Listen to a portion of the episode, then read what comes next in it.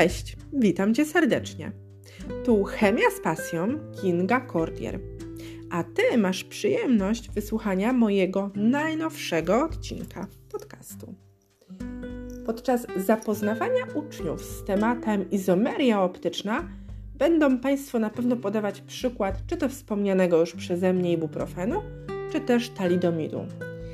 Dlatego dziś przygotowałam kilka informacji właśnie o talidomidzie.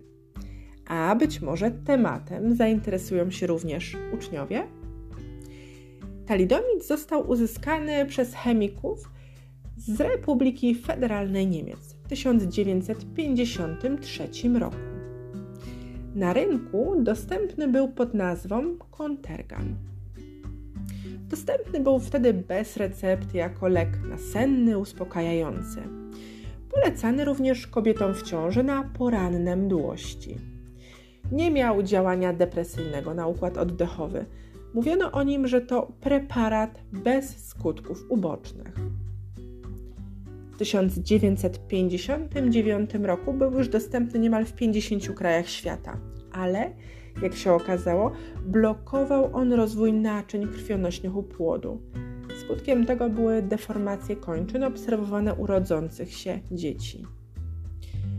W 1961 roku w literaturze pojawiły się pierwsze doniesienia na temat możliwości istnienia związku pomiędzy przyjmowaniem talidamidu a wadami wrodzonymi i rozwojowymi u dzieci, które były wydane na świat przez matki przyjmujące w okresie ciąży talidomid. Wady wrodzone spowodowane przez przyjmowanie talidomidu określono jako embryopatię potalidomidową. W 1964 roku Szeskin udowodnił pozytywne lecznicze działanie talidomidu u pacjenta chorego na rumień guzowaty trądowy. W 1999 roku ukazała się pierwsza publikacja donosząca o skuteczności talidomidu w leczeniu, uwaga, szpiczaka mnogiego. Tutaj pozwolę sobie na cytat o talidomidzie z książki Timbrella Paradoks trucizn, substancje chemiczne przyjazne i wrogie. Uwaga, cytuję. Stał się niesławnym symbolem wszelkiego zła w lekach i przemyśle farmaceutycznym. Ale nawet w tym czarnym tunelu błysnęło światełko nadziei i płynie z tego nauka, która czyni kolejne kroki mądrzejszymi.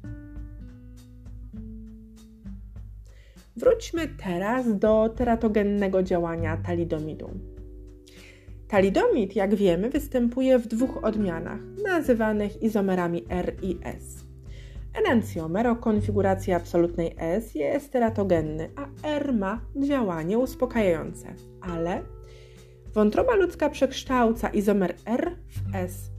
Dlatego też izomer R nie byłby całkowicie bezpiecznym lekiem. Enancjomer o konfiguracji absolutnej S wykazuje działanie hamujące, tworzenie nowych naczyń krwionośnych i rozwój już istniejących. I właśnie to odkrycie dało możliwość stosowania talidomidu jako leku przeciwrakowego. Podobał Ci się mój dzisiejszy podcast? Poleć go proszę swoim znajomym. Dziękuję.